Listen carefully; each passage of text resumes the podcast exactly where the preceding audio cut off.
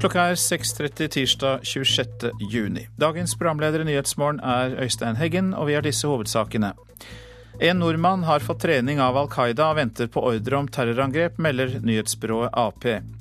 De norske sikkerhetstjenestene vil ikke kommentere opplysningene, men har registrert at reisevirksomheten fra Norge til mulige treningsleirer for terror øker.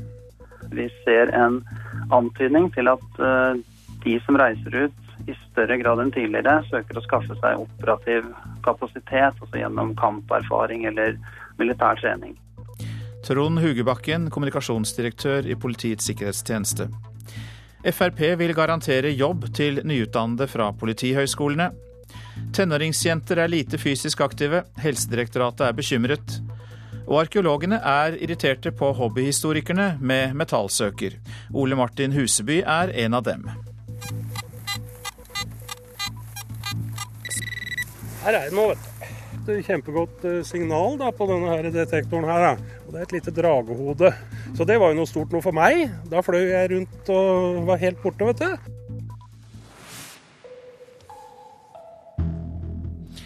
Norske sikkerhetstjenester er bekymret over at flere norske statsborgere får terrortrening i utlandet.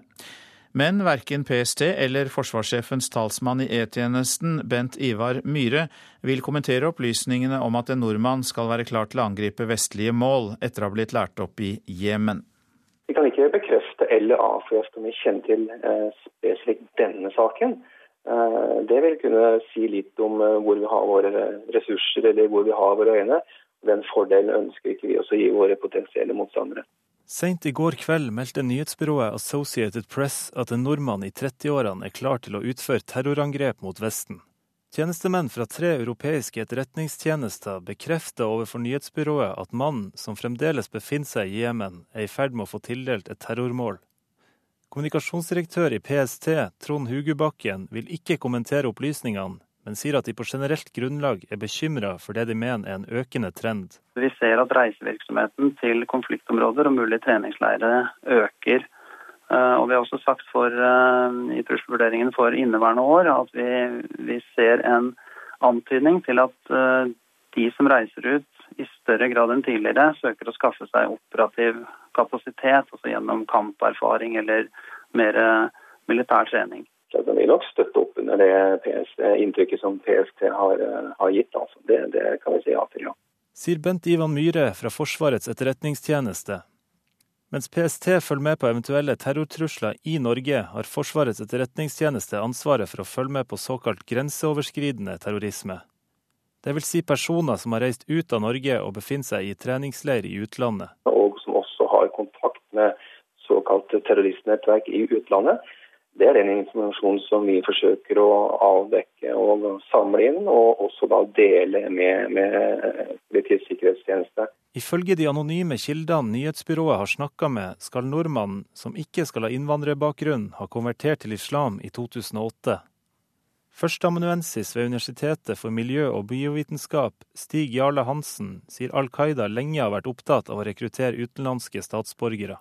Det vi vet om Jemen nå, er at uh, Al Qaida in the Arab Peninsula er ganske hardt presset. Så, så, det kan jo godt hende at dette kan eh, spore til aksjoner i, i nær framtid. Han tror mannens statsborgerskap kan gjøre oss mer sårbar. Siden uh, faktisk et norsk pass virker ganske bra i EU-området, og det virker ganske bra rundt omkring i verden. Så dette er en person som kan reise veldig fritt, og som nok har generelt mindre mistanke mot seg enn det kanskje enkelte andre har. Og Her sier man også at dette ikke er en emigrant, man sier jo at dette er en eh, etnisk nordmann. Eh, og Dette kan også være med på å, gjøre jobben lettere, for å si det på den måten. Reporter Ole Marius Rørstad. Fremskrittspartiet mener arbeidsledigheten blant nyutdannede politistudenter er for høy, og vil nå innføre en jobbgaranti for hver enkelt student som fullfører Politihøgskolen. Justisdepartementet mener problemet vil løses dersom politistudentene blir flinkere til å søke jobb i distriktene.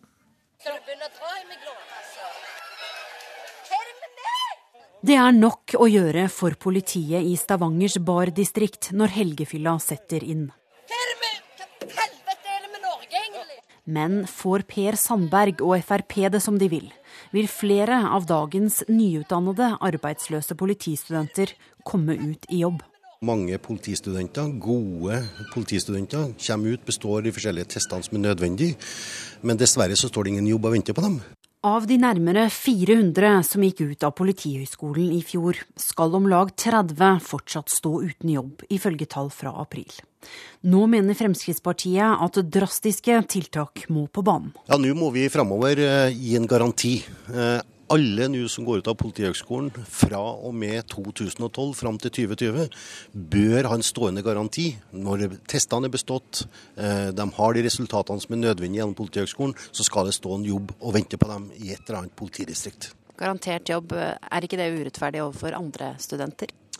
Nei, altså vi har tverrpolitisk enighet om at det målet på to operative politibetjenter eh, per 1000 innbygger, det er vi enige om alle sammen.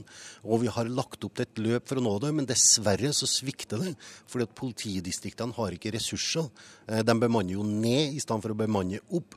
Pål Ønseth fra Justisdepartementet sier regjeringen har bevilget politiet ekstramidler hvert år for å sikre flere jobber. Han mener arbeidsledigheten skyldes andre ting enn penger. Eh, vi vet at det er studenter som eh, veldig sterkt ønsker seg til en spesifikk by, og konsentrerer seg om å få jobb der, eh, uten å søke i hele landet. Men de må søke i hele landet for at vi skal få god politidekning i hele landet. Reporter her var Hanna Lunde. Jenter sitter mer og mer stille, det viser en kartlegging av 15-åringer gjennom de siste fem-seks åra. Uheldig mener Helsedirektoratet. Makstid for stillesitting blir vurdert, sier Bjørn Gullvåg. Det er jo ikke bare snakk om barna er aktive eller ikke, men vi er også da opptatt av hvor mye de sitter stille. Og det bør antagelig ha en maksimal begrensning. Et apparat festa til kroppen på 3500 6-, 9- og 15-åringer målte all aktiviteten deres i løpet av noen dager. Ikke overraskende kanskje fant forskerne ut at gutter er mer aktive enn jenter, og de yngste er mer aktive enn de eldste. 14 år gamle Emma innrømmer at hun bruker en del tid på internett. Ja, vi bruker veldig mye tid på Facebook.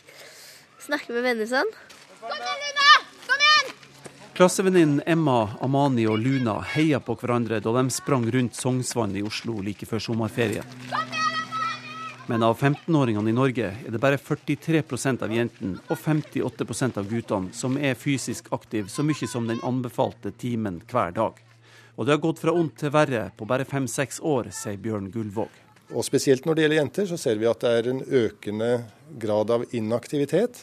Vekta fortsetter å øke blant barn og ungdom i Norge. Og Bjørn Gullvåg er redd for at vi kommer til å måtte betale dyrt for det om noen år. Man vil være mindre eh, fysisk i stand til å bære de tunge kroppene som eh, vi vil se. Sannsynligvis så er fysisk inaktivitet vårt største folkehelseproblem. Forskerne på idrettshøgskolen fant små sosiale forskjeller. Men de ble overraska over at seks år gamle gutter som har foreldre med låg utdanning, er mer fysisk aktive enn de som har høyt utdanna foreldre. Kanskje er det sånn at eh, de med høy utdanning eh, overbeskytter barna sine i litt større grad, og transporterer dem f.eks. til ulike typer aktiviteter, som gjør at eh, de i den perioden vil være litt mindre aktive, mens de kanskje er mer har større oppmerksomhet på fysisk aktivitet hos barna når de blir 15-åringer eh, og ungdommer. Ved Sognsvann har 14 år gamle Luna kommet i mål etter å ha sprunget de drøyt tre kilometerne rundt vannet. Er du fornøyd? Gikk det bra? Ja, jeg tror det i hvert fall. Håper det. Hvordan står det til med kondisen? Eh, så passe. Ikke superbra, men ikke sånn altfor ille. Reportasjen var laget av Kjartan Røslett og Katrine Nybø. Jorunn Sundgodt Borgen, professor ved seksjon for idrettsmedisinske fag ved Norges idrettshøgskole. God morgen til deg. God morgen. Ja, vi har sittet og hørt på dette sammen. og Hvordan reagerer du på at eh, det virker som 15 år gamle jenter er mer stillesittende blitt det da i løpet av de siste fem-seks år? Ja, disse tallene, at kun 43% nå innfrir anbefalingene til myndighetene, det er dramatiske tall. Og det betyr at vi vil ikke kunne ha en bærekraftig ungdom for fremtiden. Og dette sitter politikerne og har hørt om i årevis i klar tekst, at det er konsekvensene av at de sier at vi ikke har budsjett til å kunne innføre det som er helt nødvendig for å øke aktivitetsnivået. Én time fysisk aktivitet med kvalifiserte kroppsøvingslærere hver dag. Så disse tallene er utrolig triste. Altså Vi sparer oss nå til uhelse. Ja, du sier at det ikke er bærekraftig. Vi, eh, som det ble sagt i dette innslaget, vi klarer ikke å bære de tunge kroppene. Det høres nesten enda verre ut på meg. Men hva kan man gjøre, for her ble det jo foreslått nærmest eh, regler for hvor lenge man kan sitte, få lov å sitte stille, men jeg vet ikke hvordan hjelper det, da? Jeg syns det er flott at direktoratet er veldig opptatt av å øke aktivitetsnivået i befolkningen. Jeg ville heller ha hatt fokus på å påvirke politikerne, slik at de nå handler, og at det blir innført én time med fysisk aktivitet i skolen hver dag. Da vil ungene og ungdommen oppleve det å bevege seg som noe positivt. Og det vil jo igjen kunne påvirke de til at de reduserer sittetiden. Så jeg tror det er det viktigste i, i dette problemfeltet her når det gjelder å gjøre et kraftforsøk for å øke aktivitetsnivået til ungdommen vår. Men kan vi ha kommet så langt for mange av dem at det å gjennomføre en vanlig gymtime blir et ork, og at man må kanskje bruke andre virkemidler enn gymtimene også? Ja, dessverre. Det er mange som faller fra i gymtimen. Eh, de spekulerer i å gå opp til teoretiske prøver istedenfor fysiske prøver for å få bra karakter. Vi vet at de faller fra i videregående skole, og vi vet at de vil ha problemer med å, stå en hel arbeidsdag pga. denne inaktiviteten. Så ja, flere tiltak. Vi må legge til rette for at det generelt er enklere å bevege seg, og at det er fristende å bevege seg. Så her må selvfølgelig det legges til rette. Og så må vi som foreldre se vårt ansvar i forhold til å være gode rollemodeller når det gjelder det å bevege seg. Vi kan ikke dra hjem fra jobben og slenge oss på sofaen og si at vi har hatt en tøff dag. Vi må også opp og ut og gå. Man skulle kanskje hatt en sånn nasjonal bryter for å slå av det trådløse bredbåndet? Ja, det hadde vært smart. Men eh, nå kan også foreldre sette noen regler for ungene sine. Og jeg tror mange foreldre blir overrasket hvis de begynner å telle timer hos eh, de fra tre år og oppover, hva det er av eh, sittetid rundt omkring i norske hjem. Så foreldrene har selvfølgelig en helt sentral rolle her også. For å ta dem bort fra datamaskinen? Blant annet. Takk for at du kom, Jorunn Sundgodt Borgen, professor ved Norges idrettshøgskole. Så skal vi snakke litt om hva avisene skriver. Liten sammenheng mellom ungdomsfyll og alkoholisme, skriver Aftenposten. Folk som var fulle som tenåringer, har ikke nødvendigvis større alkoholproblemer som voksne enn de som holder seg edru, viser undersøkelse fra Statens institutt for rusmiddelforskning. Utviklingsminister Heikki Holmås møter kamp om førsteplassen på SVs liste til stortingsvalget i Oslo, skriver Klassekampen. Mannsdominansen i SV-toppen kan koste ham plassen på Stortinget, fordi mange i Oslo SV ønsker seg 28 år gamle Ingvild Reimert på førsteplass. Fremskrittspartiet er inspirert av klespolitiet til Taliban og Iran, sier Venstres leder Trine Skei Grande til Dagsavisen. Bakgrunnen er FrPs forslag om å bøtelegge bruk av muslimske klesplagg. Familien har kjempet mot staten i sju år, og nå har de endelig vunnet, skriver Bergens Tidende. Mikael Hodne Hageberg trenger hjelp til absolutt alt etter en legetabbe som påførte ham hjerneskade. Nå er sjuåringen tilkjent ni millioner kroner i erstatning. Tror de religiøse er mest korrupte, lyder oppslaget i Vårt Land. Norge er det eneste land som mistenker religiøse institusjoner for å være mer korrupte enn andre. Det viser en undersøkelse gjort av Transparency International Norge. Den svenske dagligvarekjeden Ica har tapt to milliarder kroner i Norge, skriver Dagens Næringsliv. Det skjer samtidig som Norgesgruppen og Reitan-gruppen bare vokser seg større og større innenfor dagligvare. Ulven stirrer mot oss fra nasjonens forside. Det er fastlåste fronter fordi rovdyrtilhengerne vil utvide ulvesonen og øke bestanden, mens motstanderne ber om at lokalbefolkningen blir hørt. Den norske mannen som skal være avslørt som terrorist, er oppslaget i Dagbladet. En nordmann som altså har konvertert til islam, skal ha fått terrortrening i Jemen. Som vi også har hørt om tidligere i denne sendingen. Og nå dumpes eh, kjæledyrene før ferien, skriver VG. Utsultede, blodige og redde blir kjæledyr funnet i grøfter og pappesker, skriver avisa.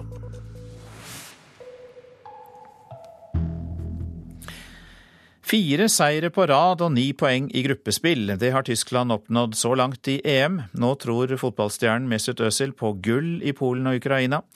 Også Spanias Cesc Fabregas har latt seg imponere av tyskerne så langt i mesterskapet.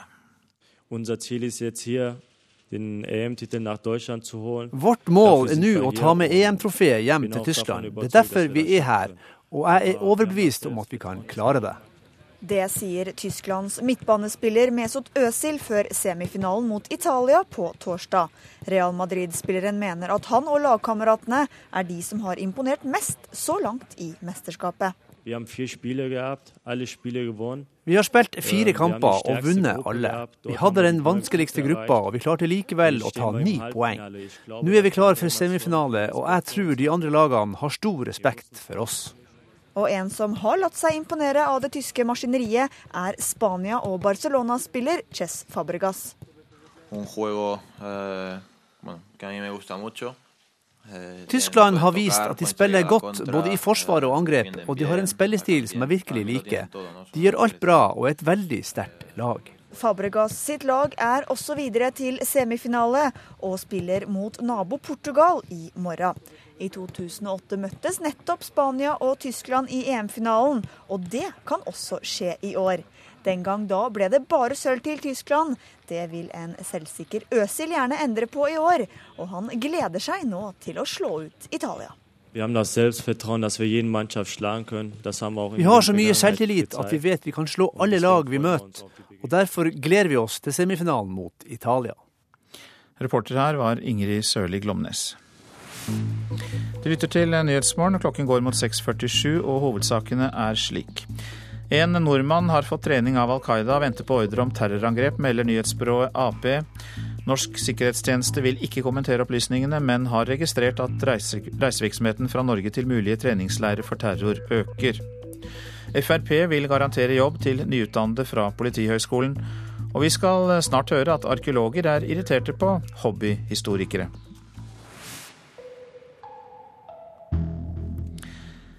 Arbeidsulykker er tema nå. Det er ekstremt krevende for bedrifter å takle slike ulykker, sier regiondirektør Hanne Luten i Arbeidstilsynet. Og psykolog Atle Dyregrov mener at mange bedrifter er for dårlige til å følge opp ansatte etter alvorlige arbeidsulykker. Ved Nortura Bjerka i Nordland er de ansatte fortsatt preget av at en kollega mistet livet da han arbeidet med slakt av storfe. Jeg trodde jo først at det var et hjerteinfarkt han fikk. Men så skjønner jeg jo fort at det ikke var det. Det var en stikkskade. 14.10 i fjor høst, på en helt vanlig fredag i skjæravdelinga på Nortura Bjerka, skjer det utenkelige. Ved et uhell stikker Peter Beland seg sjøl i brystet. Kenneth Ravne og Ken Bredo Bekkevold ser kollegaen falle i kneet. Så jeg tok eh, hånd om han og begynte å, å sjekke etter eh, tegn på hvor alvorlig det var. Så kommer Ken Bredo springende bort til meg og hjelper til og spør om han skal hente bårer diverse. Det gikk ikke så mye gjennom hodet. Det ble egentlig svart. Det var bare å gjøre det du følte du måtte gjøre. Du måtte legge press på såret. da. Hente bårer. Og når jeg kom tilbake, når jeg henta båra, så lå han kollapsa på stasjonen. Men det samme jeg kom bort til han og så hva han har stukket seg så skjønner jeg er alvoret av det. Så hans reaksjoner, da skjønner jeg at det her var, var alvorlig. De gjorde alt de klarte, men 51-åringen døde på sykehuset av de alvorlige stikkskadene. Det var egentlig helt ubeskrivelig, for jeg kunne ikke tenkt meg til at jeg kunne gang så galt. Du fikk virkelig gjennomgå eh, følelsesmessig. Da. Det er bare helt absurd at det lar seg gjøre. Den dagen var desidert verste dagen i hele mitt liv, og jeg unner ikke noen å få oppleve akkurat det samme. Og de er slett ikke alene. Et tusentalls ansatte opplevde i fjor å miste en kollega på jobb. Ifølge Arbeidstilsynet var det 52 personer som døde i arbeidsulykker. For bedrifter er dette svært krevende å oppleve, sier regiondirektør Hanne Luten i Arbeidstilsynet. Dette er en veldig krevende og alvorlig situasjon for arbeidsplassen. Både for kollegaer og for arbeidsgiver. Dette er kraftig kost for alle parter. En som har skrevet om hvordan det oppleves når en kollega dør på jobb, er psykolog og leder ved Senter for krisepsykologi, Atle Dyregrov. Han mener mange bedrifter er for dårlige til å følge opp ansatte etter arbeidsulykker. Ofte de små som svikter. Ja, du trenger en umiddelbar støtte i situasjonen. Eh, den består av både å få god informasjon, men så består det av å ha et omsorgsfullt klima. Vi må planlegge for noe som vi aldri ønsker skal skje og Det gjør at vi må tenke på at det skal skje, og det liker vi ikke. Derfor så skyver vi det av og til fra oss. De bør søke råd hos andre fagmiljøer på hvordan det er klokt å håndtere slike kriser som alvorlige arbeidsulykker og død faktisk er for en arbeidsplass. Ved Nortura Bjerka var beredskapsplanene på plass, og de ansatte føler de har fått den oppfølginga de har hatt behov for. Profesjonell hjelp utenfra og samtaler med arbeidskamerater har fått Ken Bredo Bekkevold og Kenneth Ravnå gjennom de tøffeste tida. Ja, det har blitt vanskelig, tror jeg, hvis du ikke kunne fått prata ut om det. At du måtte bare gått rett inn og gjort det du skulle gjøre. Bare blitt dyssa ned. Da tror jeg jeg slet. Det er synd synd i de som opplever å stå i samme situasjoner der de ikke har det apparatet som vi har hatt tilgjengelig, og de har hatt mulighet til de samtalene som vi har hatt for de har vært helt klart til god hjelp, både for mitt personlige vedkommende og for andre. Så jeg vet jeg har hatt det mye tøffere enn det jeg har hatt det. det, det. Reportasjen var laget av Håvard Karlsen. To tenåringer er pågrepet og har erkjent å ha knust mellom 60 og 70 ruter på Tittelsnes fort i Sveio kommune i Hordaland. De to guttene på 17 og 19 år ble tatt på fersk gjerning da de knuste ruter i går kveld. Tenåringene stakk av, men politiet klarte å spore dem opp hjemme hos en av dem, skriver Bergens Tidende. Tittelsnes fort er vernet av Riksantikvaren som et krigshistorisk minnesmerke. Mange gamle kulturskatter ville aldri blitt funnet om det ikke var for ivrige hobbyarkeologer. Som saumfare jorda med metalldetektor. Men metallsøkerne er forhatte blant mange fagfolk. De ødelegger viktige historiske funn, mener arkeolog Jostein Bergstøl. Han vil forby amatørsøk. Metallsøker Ole Martin Huseby er på skattejakt. Med en pipende maskin med et langt skaft og håndtak saumfarer han jordet på Røren gård ved Hokksund. Her er det vet du. Han leter etter historien som ligger begravet i jorda. Gamle mynter, knapper av sølv og andre gjenstander som er laget av metall. Sist fant han et lite dragehode fra vikingtiden, nå er han tilbake med håp om mer. Nei, Jeg fikk jo et kjempegodt eh, signal da, på denne her detektoren. her. Da. Og Det er et lite dragehode. Så det var jo noe stort noe for meg. Da fløy jeg rundt og var helt borte, vet du. Det er stadig flere som har den samme lidenskapelige hobbyen som Huseby. Men metallsøkerne kan være en forbannelse, mener mange arkeologer. Blant dem Jostein Bergstøl ved Kulturhistorisk museum i Oslo. Problemet er jo det at de kan uh, skade Eh, kulturminner som ligger eh, der ute i, i, terrenget. Når man da graver et hull der det piper, eh, så kan man fort grave bort veldig mye annet. Det er greit når metallsøkerne samarbeider med arkeologene, mener Bergstøl. Men han vil forby søking uten tillatelse fra myndighetene, slik det er i Sverige. Det burde vært søkt spesifikt for hver, for hver gang man skal ut og, og bruke detektoren, sånn at det, det finnes en myndighet som har kontroll på hvor folk går og søker, og hvor man ikke går og søker. Ifølge kulturminneloven skal man tilkalle fagfolk når man finner gjenstander som kan være fredete kulturminner. Det er det ikke alle som gjør. Noen graver i stykker gjenstander, andre putter funnene i egen lomme. Disse metallsøkerne ødelegger for resten, mener Huseby. Klart de ødelegger for oss andre. Og det ville vært veldig, veldig veldig synd hvis dette her ble forbudt i Norge. Da ville jeg vært veldig lei meg. Jeg syns nok ikke det at arkeologene skal være arge på oss, altså. Det syns jeg absolutt ikke. For vi bidrar ganske mye, altså. Vi gjør det. De er jo bra fordi de gir oss funn som vi ellers ikke ville fått.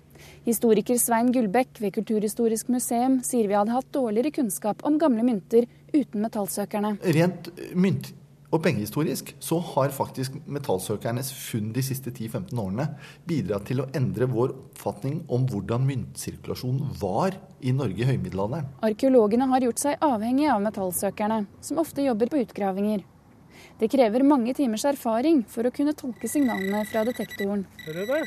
Og hobbyhistorikerne går der arkeologene ikke ville ha funnet på å lete. Som jeg sier, det er en tålmodighetsprøve.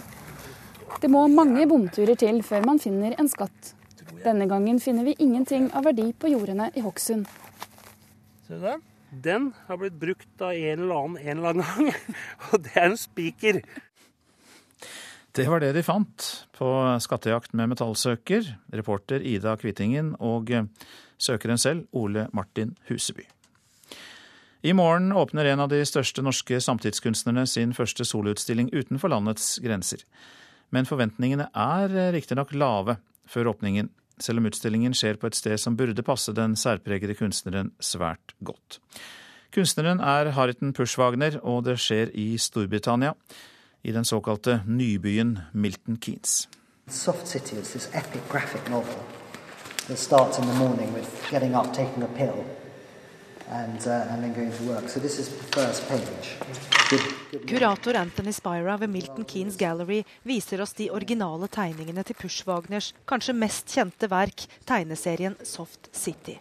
Med mennesker som alle ser helt like ut. Som automatisk gjennomfører sine rutiner, som produserer våpen i dress og slips, som dreper og som blir drept. His practice basically is a critique of capitalism, I think, and life in the modern city, life as most of us live it now. Spira sammenligner Pushwagners Soft City med byen utstillingen holdes i, Milton Keanes. En moderne by konstruert og bygd på 1960-tallet. Med rette alleer, store næringsbygg og plass nok til alle bilene. En pendlerby der tanken bak var at det skulle være enkelt å reise inn og ut med bil. En soft city. It's a, parody of um, the way we're living at the moment. I mean, he did really predict Um, for example, the way our lives are now um, uh, dictated by screens. You know, we all have smartphones in our pockets, we're always on the internet. Pushwagner forutså hvordan vi i dag lever livene våre med smarttelefoner, internett og skjermer overalt, sier kurator Anthony Spira.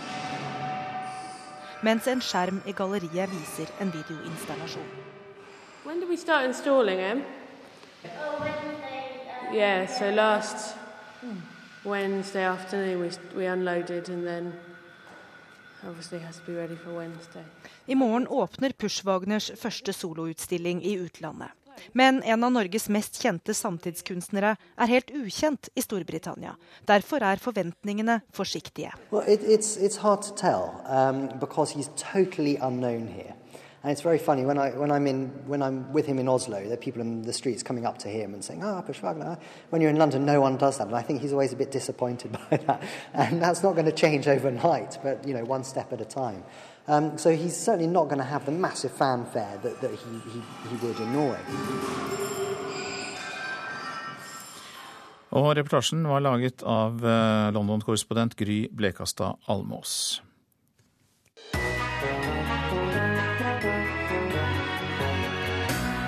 Hvilket krydder er hovedstaden i Oman? Og hvor gammel er egentlig euroen? Det er quiz i Radioselskapet alle hverdager i sommer. Send navnet ditt på SMS til 1987, kodeord 'Selskapet', så kan du bli med i Selskapslekene og vinne DAB-radio og kokkekniv. Selskapslekene klokken 11 i P2. Så litt om været. Fjell i Sør-Norge får enkelte regnbyger i dag. Østland og Telemark en del sol kan det bli, men fra i ettermiddag enkelte regnbyger, særlig i indre strøk. Og det kan bli lokal torden. Agder får vest for Lindesnes opp i stiv kuling nordvestlig. For det meste pent vær for øvrig, men utrygt for enkelte regnbyger i indre strøk av Agder. Rogaland på kysten liten kuling, perioder med stiv kuling i sør. Minker i kveld, oppholdsvær og perioder med sol i Rogaland. Hordaland på kysten liten kuling, i ettermiddag minker det. Stort sett opphold. Sogn og Fjordane, Møre og Romsdal og Trøndelag. I hele dette området kan vi vel eh, si enkelte regnbyger, stort sett. Nordland og Troms får stort sett oppholdsvær i dag. Kyst- og fjordstrøkene i Vest-Finnmark enkelte regnbyger, fra i ettermiddag stort sett opphold. Finnmarksvidda enkelte regnbyger, fra i ettermiddag stort sett oppholdsvær. Øst-Finnmark litt regn eller yr. Nordensjøland på Spitsbergen litt regn eller sludd av og til. Så var det temperaturer som ble målt klokka fem. Svalbard lufthavn pluss to. Kirkenes og Vardø sju grader. Alta ni. Tromsø-Langnes sju. Bodø og Brønnøysund begge ti grader. Trondheim-Værnes tolv. Molde ti grader, og det samme ble målt på Bergen-Flesland ti grader. Stavanger elleve. Kristiansand-Kjevik ni. Gardermoen 13, Lillehammer 12, Røros 8 grader. Og Oslo-Blindern hadde 14 grader eh, klokka fem i natt.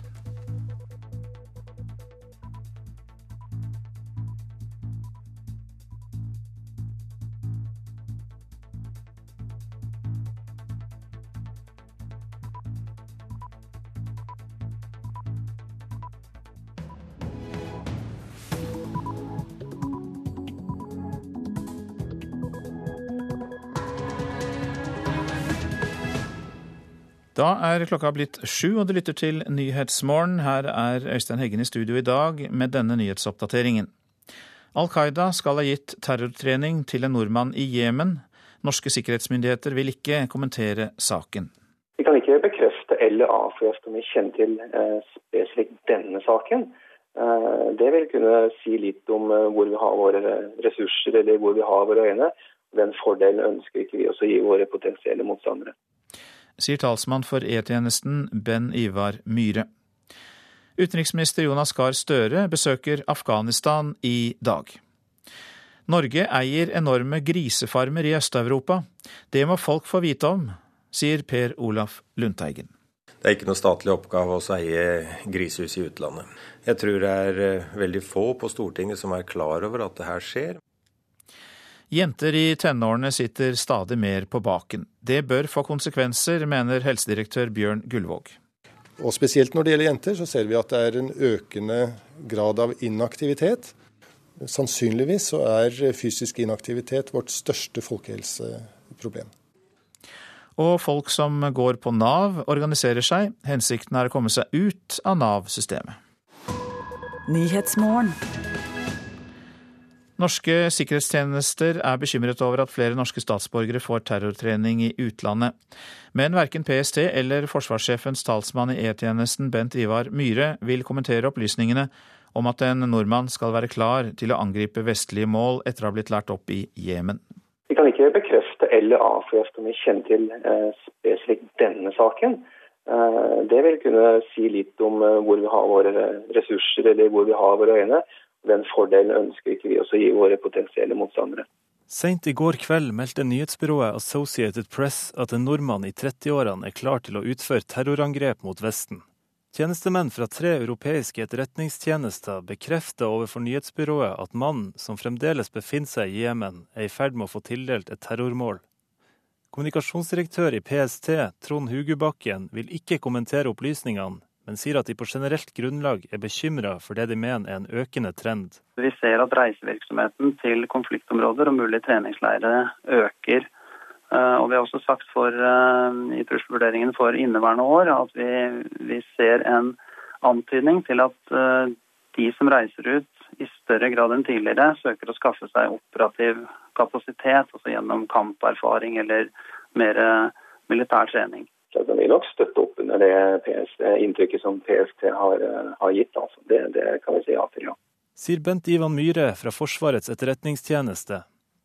Mens PST følger med på eventuelle terrortrusler i Norge, har Forsvarets etterretningstjeneste ansvaret for å følge med på såkalt grenseoverskridende terrorisme. Det vil si personer som har reist ut av Norge og befinner seg i treningsleir i utlandet. Og som også har kontakt med såkalt terroristnettverk i utlandet.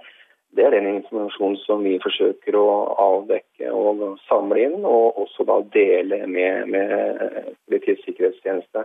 Ifølge de anonyme kildene nyhetsbyrået har snakka med, skal nordmannen, som ikke skal ha innvandrerbakgrunn, ha konvertert til islam i 2008. Førsteamanuensis ved Universitetet for miljø- og biovitenskap, Stig Jarle Hansen, sier Al Qaida lenge har vært opptatt av å rekruttere utenlandske statsborgere. Jemen nå, er at uh, Al Qaida in the Arab Peninsula er ganske hardt presset. Så, så, det kan jo godt hende at dette kan eh, spore til aksjoner i, i nær framtid. Han tror mannens statsborgerskap kan gjøre oss mer sårbar. Siden uh, faktisk et norsk pass virker ganske bra i EU-området, og det virker ganske bra rundt omkring i verden. Så dette er en person som kan reise veldig fritt, og som nok har generelt mindre mistanke mot seg enn det kanskje enkelte andre har. Og Her sier man også at dette ikke er en emigrant, man sier jo at dette er en eh, etnisk nordmann. Eh, og Dette kan også være med på å, gjøre jobben lettere, for å si det på den. Reporter her Ole Marius Rørstad. Så skal vi høre at den norske stat er medeier i gigantiske svinefarmer i utlandet. Det er farmer som er så store at det ikke ville vært tillatt her i landet. Gjennom fondsmidler i regi av Innovasjon Norge har regjeringen gjort investeringer i svinefarmer i Øst-Europa. Vi har eh, i løpet av eh, dette året og neste år så vil vi ha en produksjon på ca. 100 000 svin. Bonde Ove Henrik Mørk Ek ville ha en grisefarm av den typen som ikke er tillatt her til lands. På den norske gården får han ha maks 2100 griser i året. I Øst-Europa er det ingen grenser for antall dyr. For tolv år siden fikk Ek med seg et statlig fond i regi av Innovasjon Norge til å bli med på eiersiden i én svinefarm i Latvia og etter hvert én i Ukraina. Ja, jeg følte jeg hadde et uh, godt prosjekt, og at jeg var glad for å få de med på laget. De har bidratt veldig godt. Liksom. Men tjener du noen norske interesser? Bortsett fra dine, da? Nei, jeg, jeg tror det, det, det, tjener vel eh, De interessene som, som vil bli tjent i Norge av den investeringen, er vel, er vel tilsvarende som andre investeringer. Ove Henrik Mørk Eg er en slik mann de har sansen for i Øst-Europafondet til Innovasjon Norge. Ja, så grunnen til at dette ikke er tillatt i Norge, er jo pga. Si, norsk landbrukspolitikk. Det er jo ikke noe som tilsier at uh, man ikke kan drive stort innenfor landbruk. Sier Erik Velle Vatne, direktør for fondet i Innovasjon Norge. Han er med og kjøper Norge inn i bedrifter som han finner verdig litt statlig risikokapital. Som bl.a. svinefarmer i Øst-Europa. Ja, Totalt så har det vært eh, gjort skal vi si, fysiske investeringer på en ca. 160 millioner kroner. I Næringsdepartementet vil ingen svare på hvorfor Norge eier og investerer i svinefarmer i Øst-Europa. Det er ikke noe statlig oppgave å eie grisehus i utlandet sier stortingspolitiker for Senterpartiet Per Olaf Lundteigen. Det er viktig også å få oppmerksomhet rundt det, og se da hvordan statens representanter opptrer i, i, utlandet. Jeg tror det er eh, veldig få på Stortinget som er klar over at det her skjer, men det eh, kan jo ikke skje uten at det er velsigna på høyeste politiske hold. Konsernet, som nå heter International Pork Investment, har utvidet til Ukraina. De har vokst seg til et konsern, og det er opprettet en rekke datterselskaper i Ukraina, Latvia og på Kypros. Det er flere svinefarmer i Øst-Europa med norske eiere, men International Pork Investment er den eneste med den norske stat på eiersiden. Jeg er skarp motstander av den prioriteringa. Det er jo ganske mange selskaper i Øst-Europa som Innovasjon Norge har gitt penger til. Hva er det Norge egentlig har å tjene på å drive og gi penger til folk som skal etablere seg i Ukraina f.eks.? Norge skal fremme globalisering og, og, virksomhet utover landets grenser. Og det er jo opplagt at det er jo mange nordmenn som, som trives i den, den rollen, å være storkar i utlandet.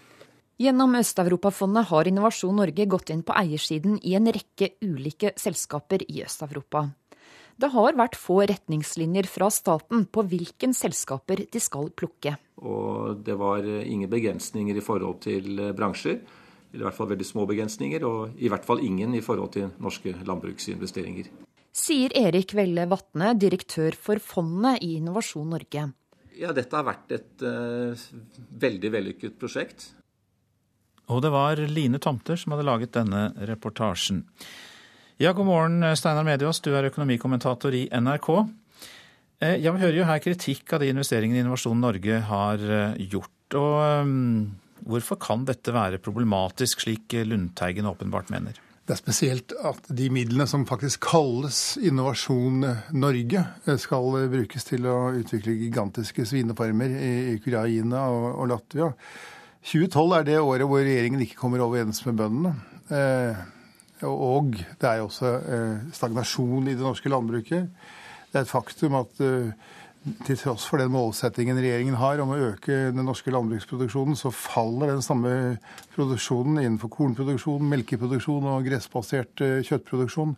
Så, Da blir det helt spesielt at man bruker den type midler eh, eh, som skulle ha vært utviklet, eh, brukt i Norge, i å utvikle svinefarmer i, i utlandet. Ja, Men man får jo større, større avkastning for investeringene åpenbart når man eh, etablerer disse i Latvia og Ukraina? Ja, men det er stor forskjell for en stat å, få, å utvikle et land og det å utvikle si, en, en sparebøsse.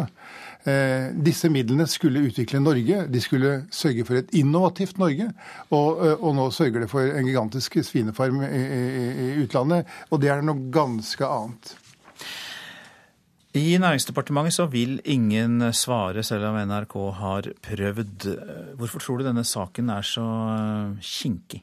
Jeg tror ikke den er så politisk enkelt å fronte. Hadde den vært veldig hyggelig å fronte, så hadde det nok eh, dukket opp en politiker ganske snart. Men når alle er usynlige, og dette, de kaller dette administrativt, eh, så, så, er det åpenbart at noen har lyst til å gjemme seg. Eh, og det, det, det, taler ikke helt godt. Det kan jo tyde på at man har fått en slags ettertanke her som, som kan tyde på at man kanskje ikke står helt for det man har gjort. Tror du at uh, Olaf Lundteigen vinner gjenklang i Norge ved den skarpe kritikken han kom med her? Han sa jo til og med det er noen som ønsker å være storkar i utlandet med disse investeringsmidlene? Ja, Norge er jo en storkar i utlandet på alle vis. Både med vårt oljefond og nå er vi det med også dette fondet. Norge er i det hele tatt i ferd med å bli et veldig spesielt land. Eh, og det er ikke så mye plass til de tradisjonelle industriene, og kanskje ikke det tradisjonelle landbruket heller i dette landet. Samtidig så investerer vi altså i dette året 190 milliarder i olje og gass. Og i går fikk vi meldingen om at man eh, entreprenørene skal bygge for 324 milliarder her i landet. Eh, så Norge er et, på et vis et Klondyke. Lønninger og eh, eiendomspriser stiger. Samtidig ser det ut som nordmenn i seg selv har blitt for dyre for sitt eget land, i hvert fall når det gjelder landbruk og og landbasert industri. Mange takk for at du kom til oss, økonomikommentator i NRK Steinar Medios. Ja, dette er Nyhetsmorgen, og klokka den nærmer seg 7.12, og vi har disse hovedsakene. Sikkerhetstjenestene er bekymret over at flere norske statsborgere får terrortrening i utlandet. I går ble det kjent at en norsk mann er trent opp av Al Qaida.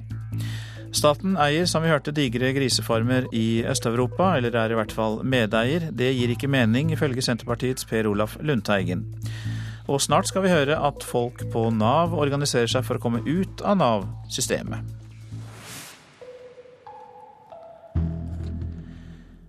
I Afghanistan er overføringen av makt fra de internasjonale styrkene til afghanerne en suksesshistorie. Det sier i hvert fall sjefen for ISAF-styrkene, den amerikanske generalen John Allen. Utenriksmedarbeider Jan Espen Kruse er nå i Kabul. Han er der sammen med utenriksminister Jonas Gahr Støre. Jo, han eh, sier at eh, overføringen av makt går som den skal, eh, både fra de internasjonale styrkene og til den afghanske hæren. Og særlig vellykket påstår han at det er overføringen av makt til det afghanske politikorpset korpset. Eh, han kaller det altså en, en suksesshistorie, og det er en, eh, det er en, kolossal optimisme. Eh, noe av motivasjonen for denne optimismen er vel kanskje at amerikanerne rett og slett vil trekke seg ut, trekke styrkene sine ut fra Afghanistan, og da passer jo denne versjonen dem ganske godt. En optimisme som passer med situasjonen. Men du har jo snakket med utenriksminister Jonas Gahr Støre. Hvordan vurderer han sikkerheten i Afghanistan? Ja, Han har en eh, litt annen versjon. Han eh, mener også at overføringen av makt eh, går bra på noen områder. Men han sier at dette samfunnet sannsynligvis kommer til å bli preget av vold i mange år framover. Fordi når de internasjonale styrkene trekker seg ut, så blir det maktkamp mellom de grupperingene, de forskjellige tidligere krigsherrene, etniske grupper osv. innad i landet spesielt. Norge skal bruke 750 millioner kroner i årene framover. Eh, hvordan begrunner de den pengebruken når det er så stor usikkerhet? Ja, eh, logikken er vel på sett og vis at eh, når man har lagt ned så mye ressurser fra før for å prøve å få dette eh, landet mer på fote, eh, så må man fortsette i hvert fall den sivile bistanden eh, når eh, de militære trekker seg ut. Og Det er et slags signal da, til afghanerne at de skal ikke sviktes selv når soldatene reiser. Men veldig mange frykter jo naturligvis her at det er nettopp det som kommer til å skje. At uh, afghanerne kommer til å bli overlatt til seg selv, og at uh, da kommer det til å, å, bli brutale kamper. noen snakker om full borgerkrig, naturligvis. sånn at framtidsutsiktene for disse vestlige investeringene er vel kanskje ikke så veldig, veldig gode. men landene, de vestlige landene har altså bundet seg opp og, og, og vil til en viss grad grad fortsette løpet. Sa utenriksmedarbeider Jan Espen Kruse, som jeg altså snakket med litt litt tidligere på morgenen. Nå til situasjonen mellom Tyrkia og Syria. For Tyrkia har kalt sammen til et krisemøte i Nato for å diskutere hvordan alliansen skal reagere på at Syria skjøt ned et tyrkisk jagerfly i helgen.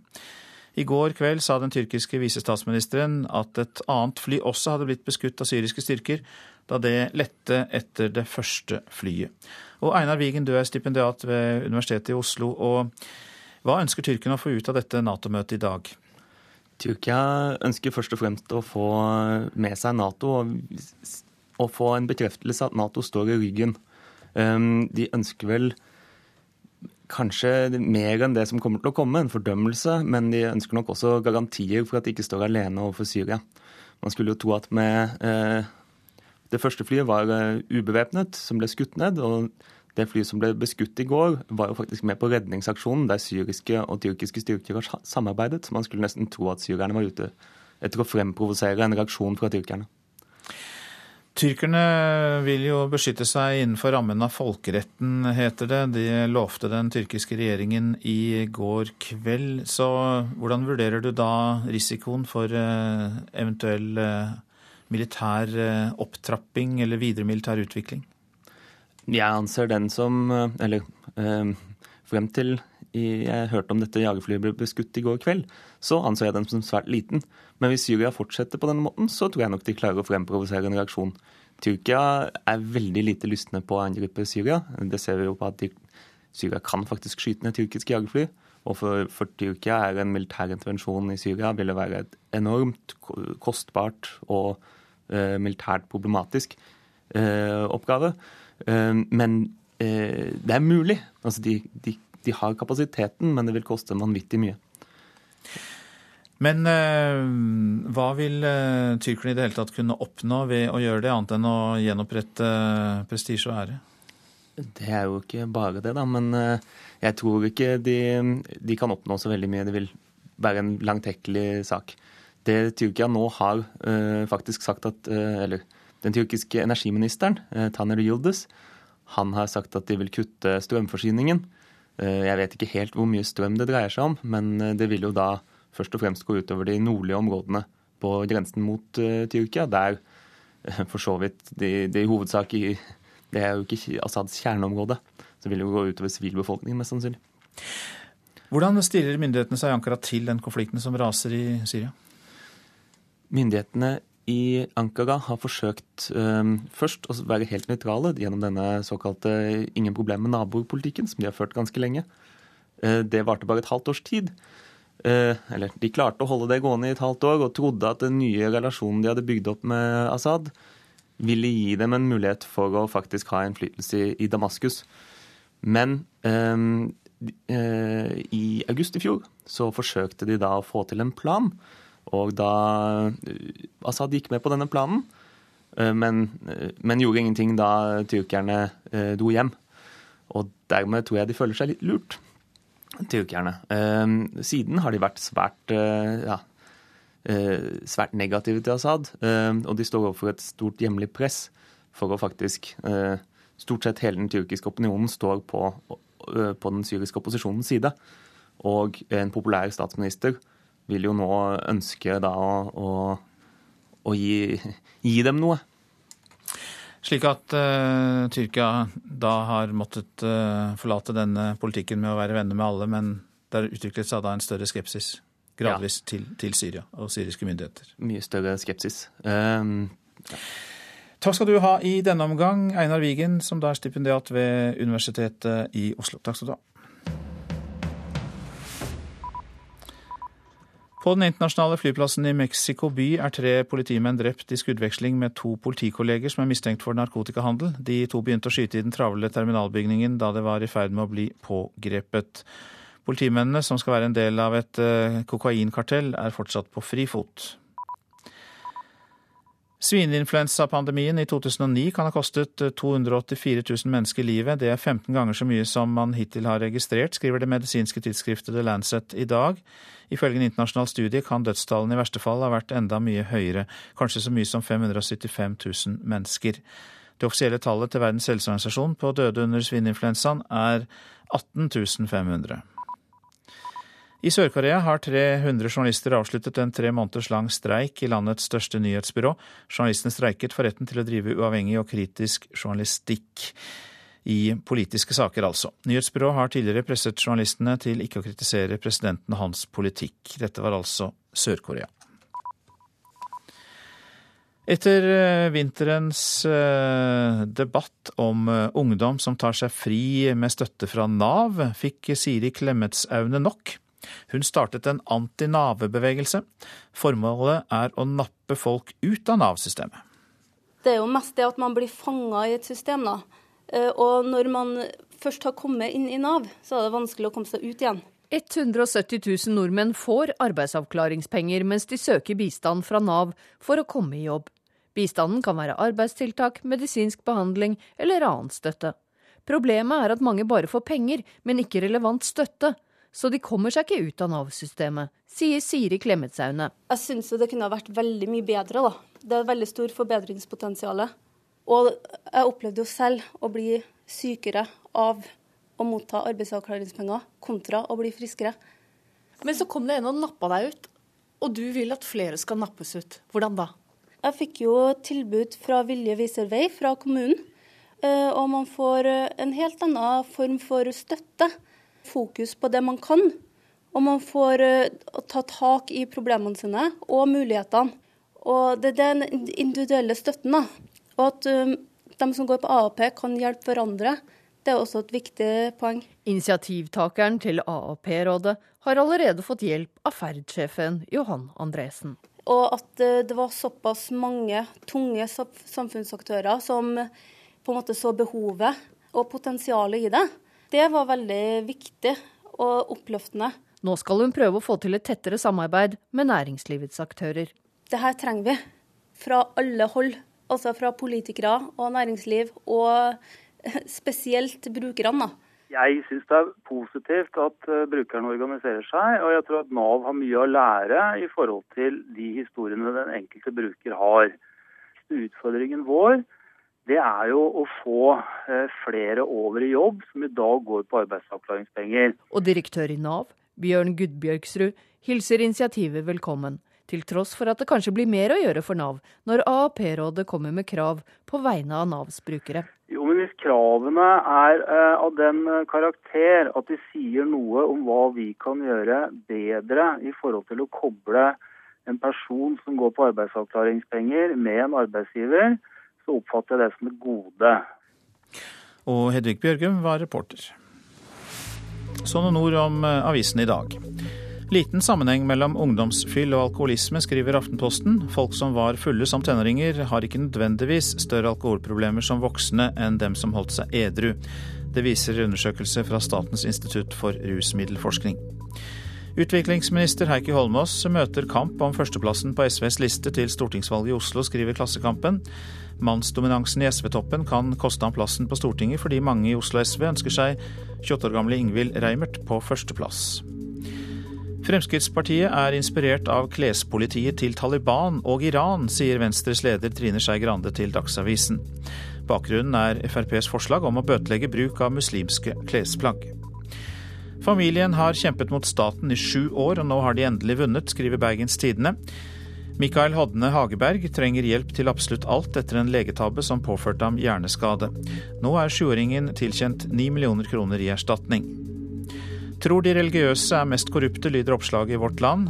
Norge er det eneste landet som mistenker religiøse institusjoner for å være mer korrupte enn andre. Det viser en undersøkelse gjort av Transparency International. Så skal vi til eh, svenske, den svenske dagligvarekjeden Ica, som har tapt to milliarder kroner i Norge. Det er Dagens Næringsliv som skriver dette. Og det skjer samtidig som Norgesgruppen og Reitan-gruppen bare vokser seg større og større i dagligvaremarkedet. Ulven stirrer mot oss fra nasjonens forside. Det er fastlåste fronter fordi rovdyrtilhengerne vil utvide ulvesonen og øke bestanden, mens motstanderne ber om at lokalbefolkningen blir hørt. Den norske mannen som skal være avslørt som terrorist, er oppslaget i Dagbladet. En nordmann som har konvertert til islam, skal ha fått terrortrening i Jemen. Og nå dumpes kjæledyrene før ferien, skriver VG. Utsultede, blodige og redde blir kjæledyr funnet i grøfter og pappesker, skriver avisa.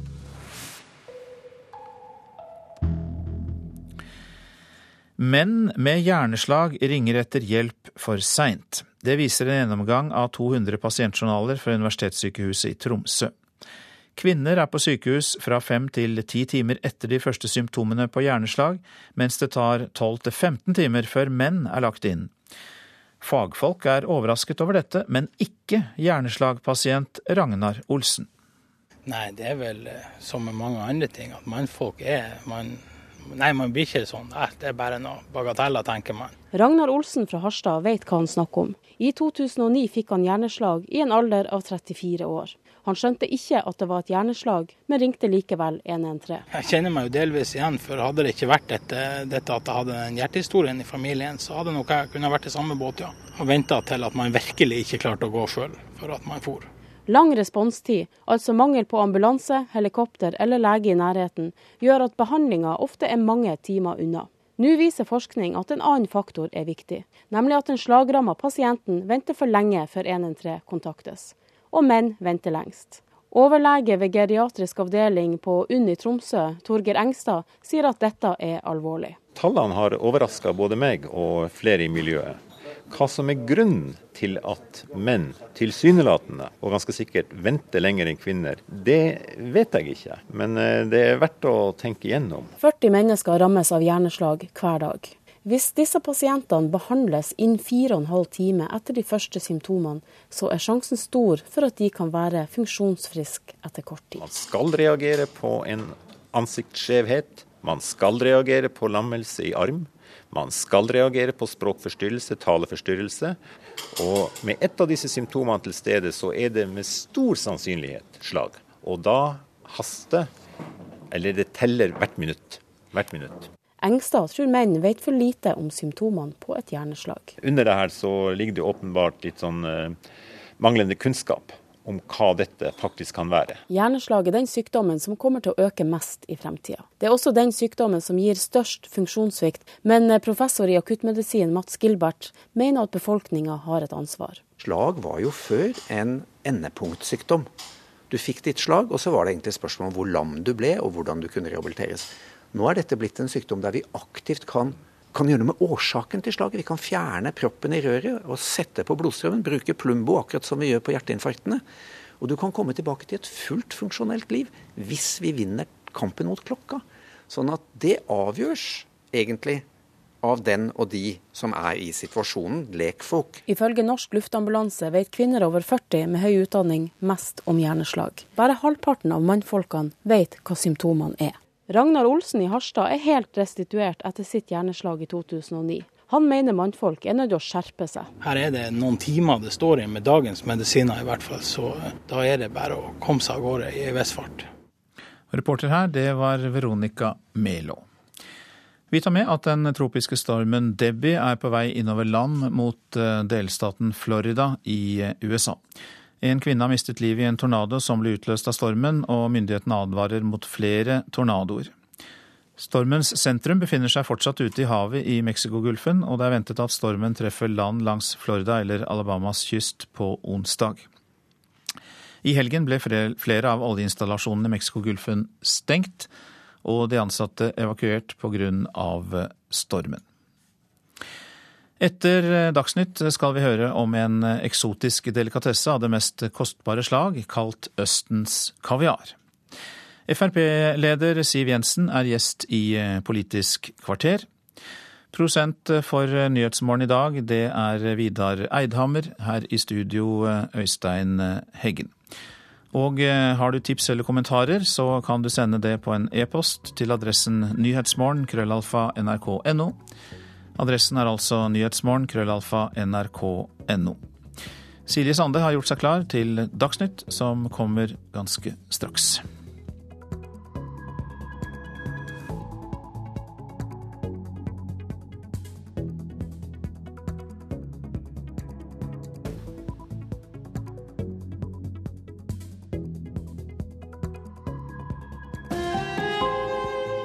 Hør ekko.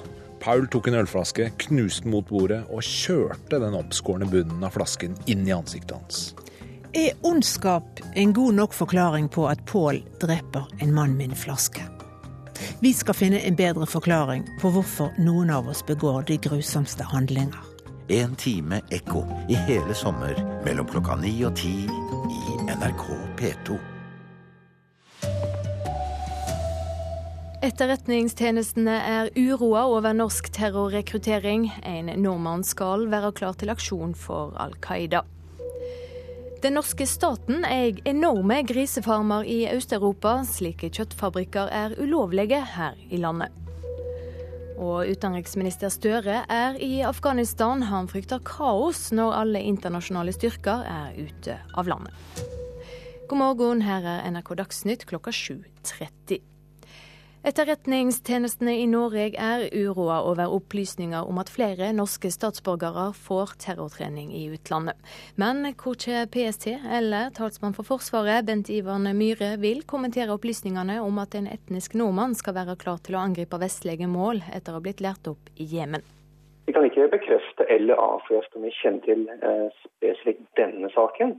Eh, det vil kunne si litt om eh, hvor vi har våre ressurser eller hvor vi har våre øyne. Den fordelen ønsker ikke vi også å gi våre potensielle motstandere. Seint i går kveld meldte nyhetsbyrået Ap at en nordmann i 30-årene er klar til å utføre terrorangrep mot Vesten.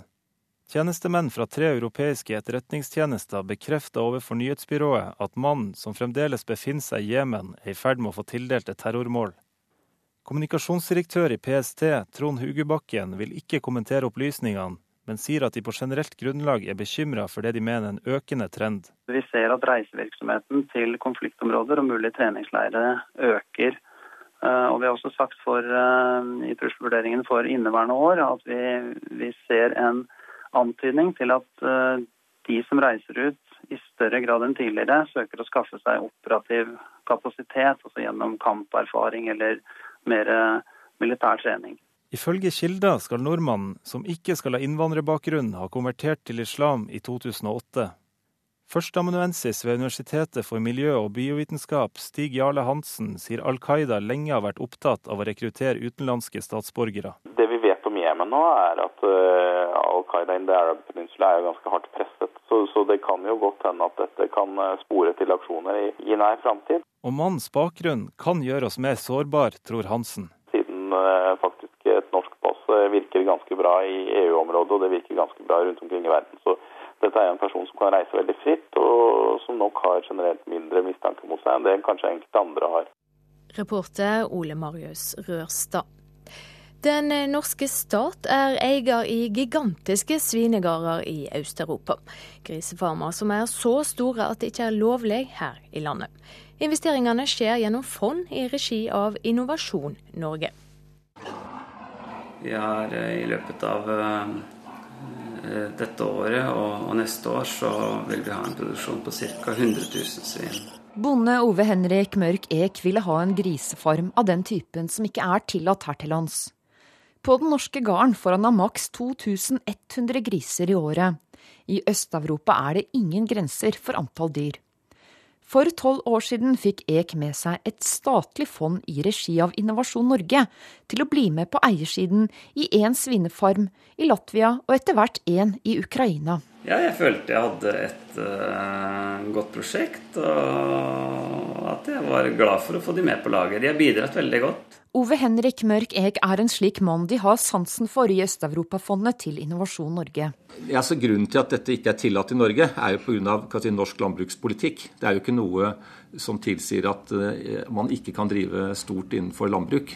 Sier Erik Velle Vatne, direktør for fondet i Innovasjon Norge. Han er med og kjøper Norge inn i bedrifter som han finner verdig litt statlig risikokapital. Som bl.a. svinefarmer i Øst-Europa.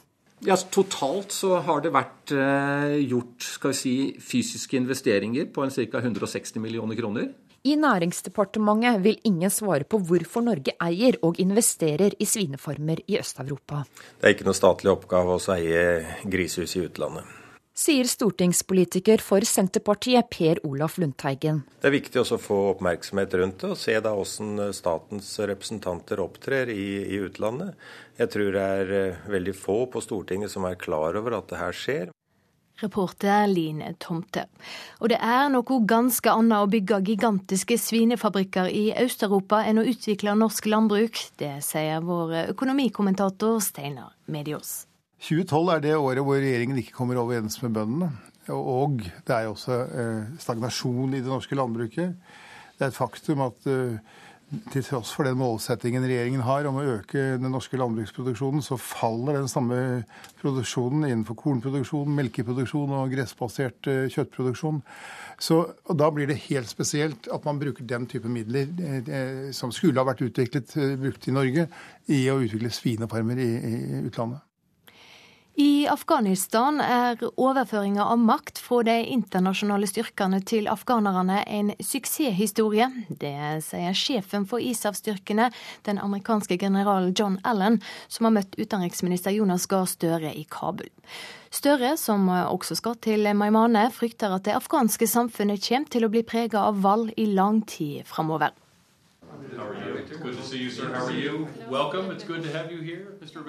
Hovedkvarteret til de internasjonale styrkene i Afghanistan var første stopp på besøket som utenriksminister Jonas Gahr Støre nå er i gang med. Han ble tatt imot av John Allen, som er øverstkommanderende for ISAF-styrkene. Den amerikanske generalen er svært optimistisk når det gjelder overføringen av makt til afghanerne. Uh,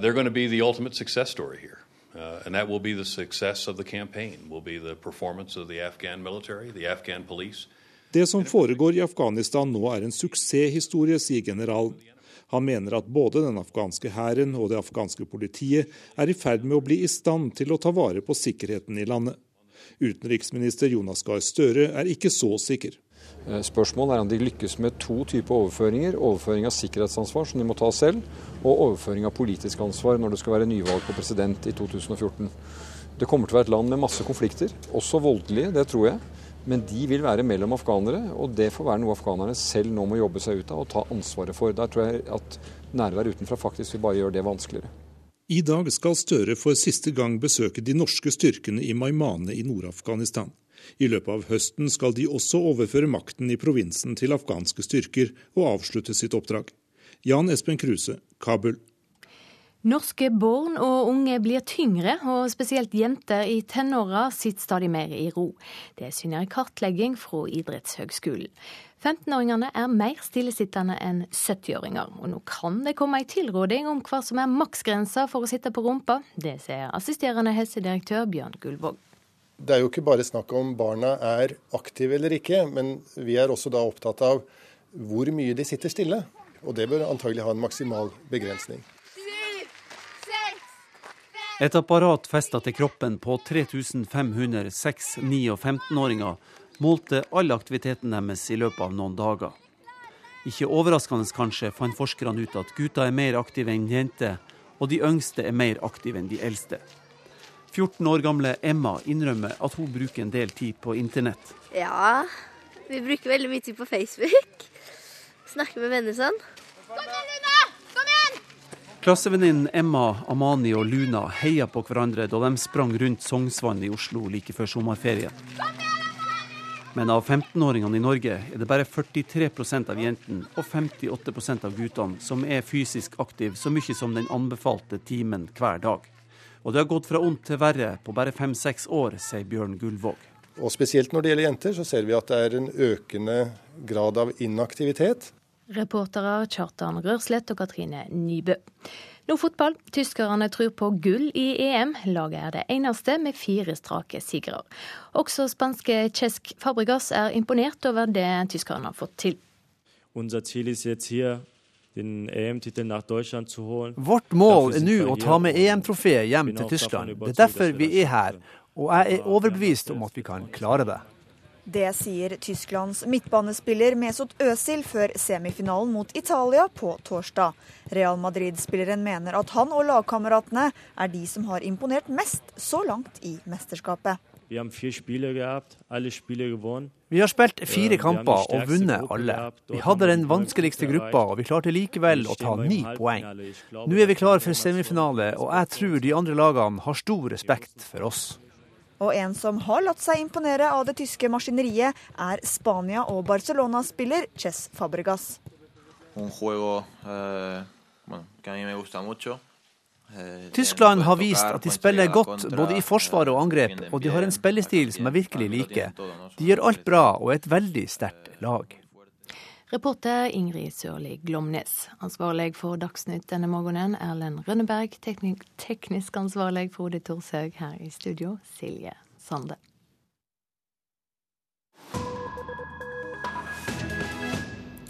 Dette er Nyhetsmorgen. Reirsuppe er ikke en rett som nordmenn flest er fortrolige med. Den kalles også Østens kaviar og er en eksotisk delikatesse av det mest kostbare slag. Hovedingrediensen i reirsuppe er fuglespytt.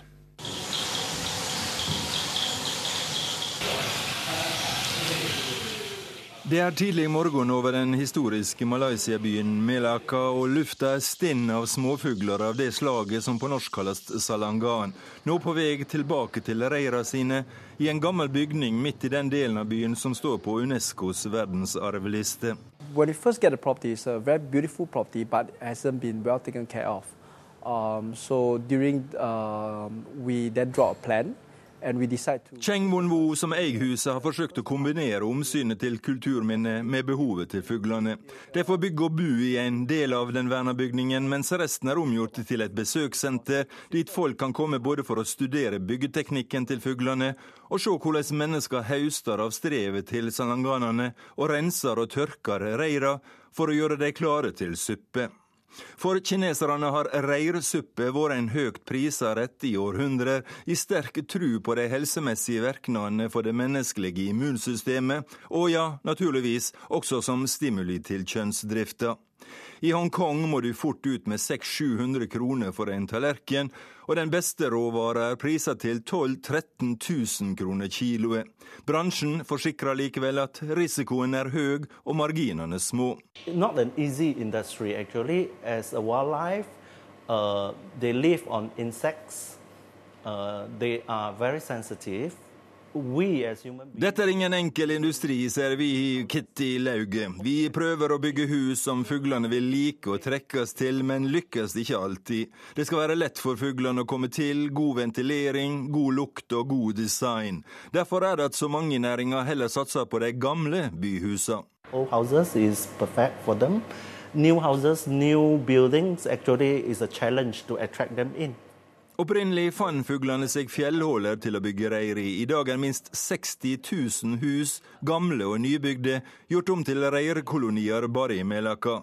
Og styremakten i Malaysia har lagt strenge regler for hvordan bransjen kan drive. If you harvest a nest before the bird could fly off, you kill the youngs, then there's no sustainability. You, will, you, won't, get the, you won't have the uh, number of birds increasing. Det er i reirsankernes egen interesse å stelle godt med fuglene og sørge for at bestanden trives og vokser. F.eks. ikke sanke reira før fuglene kan fly. Er de heldige, kan de få en fugl til å bygge tre reir i løpet av året. I Melaka blir det produsert 1500 tonn reir hvert år, ikke uten konflikt. Dette foregår midt i tjukk busetna og travel handelsvirksomhet, og folk klager på fugleskit og vond lukt. Og ikke minst støyende lokkekvitring fra talløse høgtalere, som reirsankerne bruker for å kalle på fuglene. There should be rules and regulations from the point of view of uh, hygiene jo da, vi vet at dette også er et levebrød, sier Ahmad Hamid i Kulturvernet for Malaysia. Men det er også snakk om hygiene og endringer i kulturlandskapet, så vel som omsyn til folks ve og vel og ønske om ro og fred. Uh, og eh, det var Gunnar Myklebust som hadde laget eh, denne reportasjen. Dette er Nyhetsmorgen, og vi har disse viktigste, dette er de viktigste sakene denne morgenen. E-tjenesten og PST er bekymret fordi flere nordmenn drar utenlands for å få terrortrening. Jonas Gahr Støre besøker Afghanistan i dag. Utenriksministeren frykter at volden vil herje landet i lang tid framover. Og 15-åringer sitter mer stille enn 70-åringer. Nå kan det komme en maksgrense for stillesitting for ungdom. Da har programleder i Politisk kvarter Bjørn Myklebust eh, dukket opp, og du har tatt med deg en gjest inn i studio i dag. Hun blir ikke lenger invitert til statsministerdueller, og hun som blir invitert, tør hun slippe min gjest inn i Finansdepartementet. Likevel hører jeg kanskje et lettelsens sukk fra andre siden av bordet.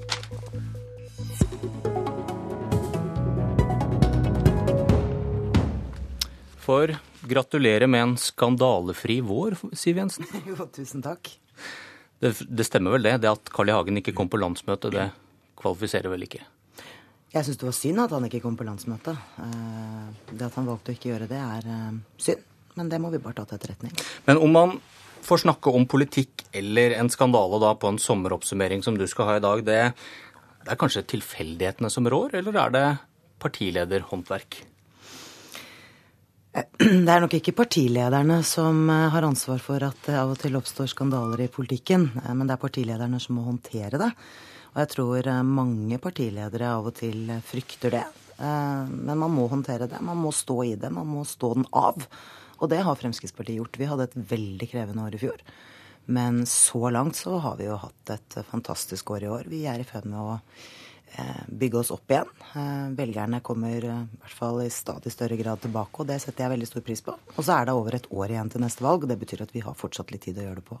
Men husker du august 2008? Det var, det var, en lykkelig tid, skjønner du. Ja, Tenker du da på at vi, vi svevde høyt på meningsmålinger og sånn? Da hadde Frp 30,9% i snitt på målingene. Mm. Høyre hadde 16,2. Nå har dere 16,1. Høyre 32,1. Mm. Hva skjedde? Men Det det i hvert fall forteller, er at meningsmålinger ikke er valg. Og man skal ikke belage seg på at på meningsmålinger, enten de er skyhøye eller eh, lave, fordi det er valgresultatet den dagen det er valg, som avgjør. Men denne trenden den er vel ikke mulig å snakke seg forbi med de vanlige nei, frasene der? Nei, jeg snakker meg ikke forbi det. Jeg bare vet at selv om Fremskrittspartiet har hatt 30 på meningsmålingene, så har vi ikke fått det i valg. Men husk på at selv om vi hadde det du, altså 30% i august 2008, så ble valgresultatet vårt i 2009 22% Det er det beste i Fremskrittspartiets historie, men lavere enn de skyhøye målingene ga oss. Og nå er det 16? Så, ja, og nå virker vi også mye mer stabile. Og jeg syns det er mye viktigere at Fremskrittspartiet vokser jevnt og trutt og stabilt, enn at vi har store, store utslag på meningsmålingene som kanskje ikke er reelle. Men kanskje det som har skjedd, ikke har noe med ditt håndverk å gjøre? Kanskje Eller hva har finanskrisen hatt å si for FrPs oppslutning? Ja, altså Finanskrisen eh, har eh, hatt det å si i den forstand at, at eh, Norge har klart, å, klart, seg ganske bra. Jeg vet at statsministeren prøver å si at det skyldes at vi har orden i økonomien, og at det er han og bare han som kan styre landet. Det er jo ikke helt sant. Det skyldes at vi har vært heldige, at vi har hatt ekstra penger å rutte med.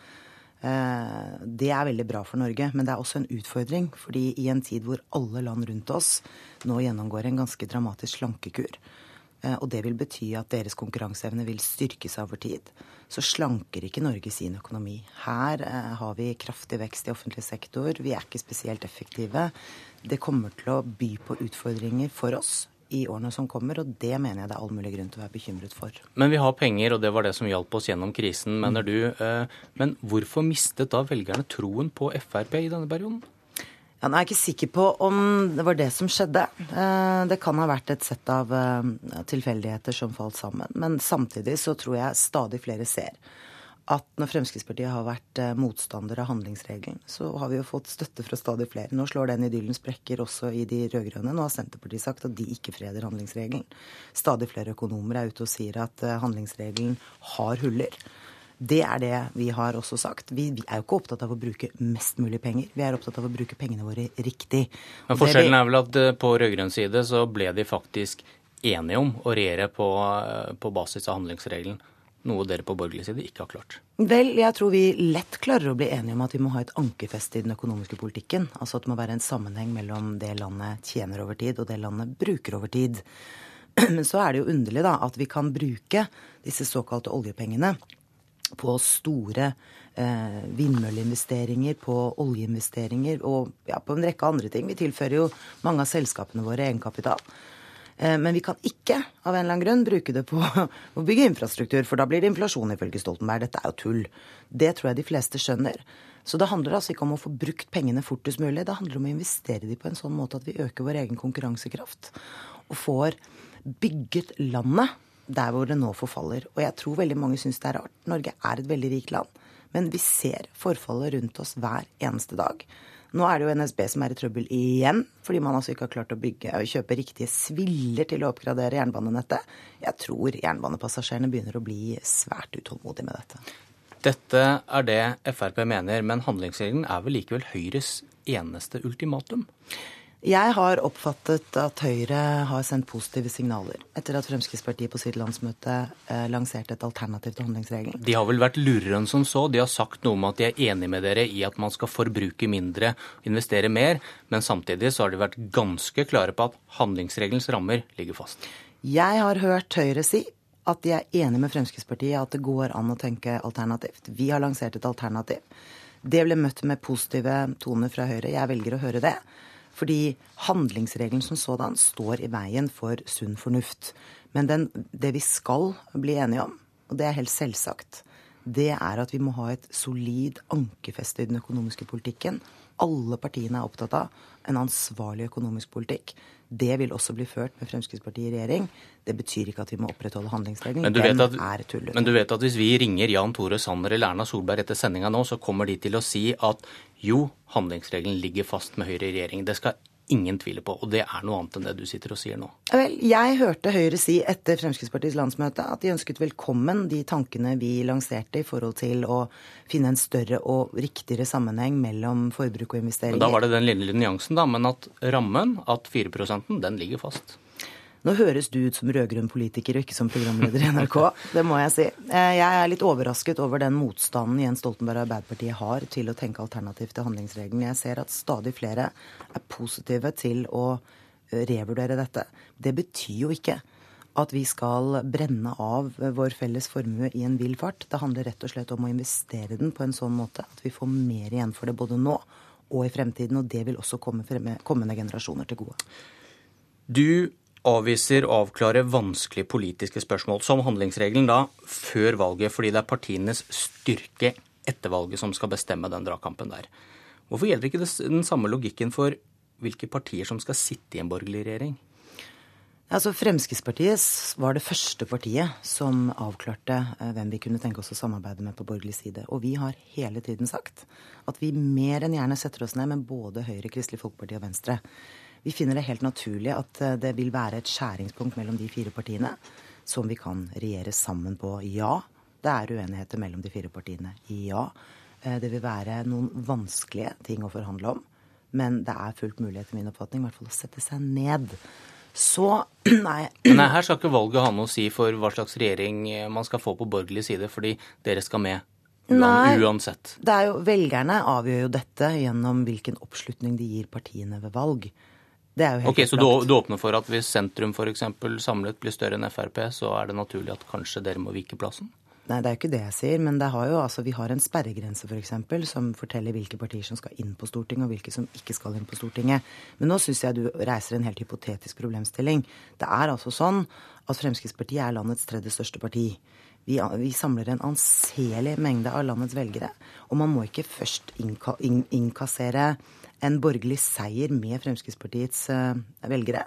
For deretter å holde oss på utsiden. Det er ikke sånn dette fungerer. Nå er det mulig jeg, er det mulig jeg høres ut som en rød-grønn politiker i dine ører igjen, men konklusjonen vil da kanskje noen si er at eh, med dette ultimatumet så blir ikke Frp en garantist for en borgerlig regjering. Fordi alle, dere skal med. Nei, alle de fire borgerlige partiene har eh, gitt uttrykk for at de ønsker en regjeringsskifte. Men så tror jeg den debatten er over nå. Eh, den ideen om at man skal først regne Fremskrittspartiet og Fremskrittspartiets velgere som en del av et eh, borgerlig flertall, for deretter å holde oss på utsiden, den debatten er over. Og jeg har heller lyst til å fokusere på hvorfor det er viktig for Fremskrittspartiet å komme i regjering. For mange velgere husker jo den forrige borgerlige regjeringen, sentrum Høyre, som unnlot å gjøre en del ting som man kunne gjort, selv om man hadde flertall i Stortinget sammen med Fremskrittspartiet. Det var altså ikke noe fart i politisatsingen når eh, Fremskrittspartiet ble holdt utenfor budsjettforhandlingene, det vi også bidro til, var å eh, øke behandlingstakten i helsevesenet, slik at helsekøene gikk ned for første gang fordi vi klarte å få opp den innsatsstyrte finansieringen.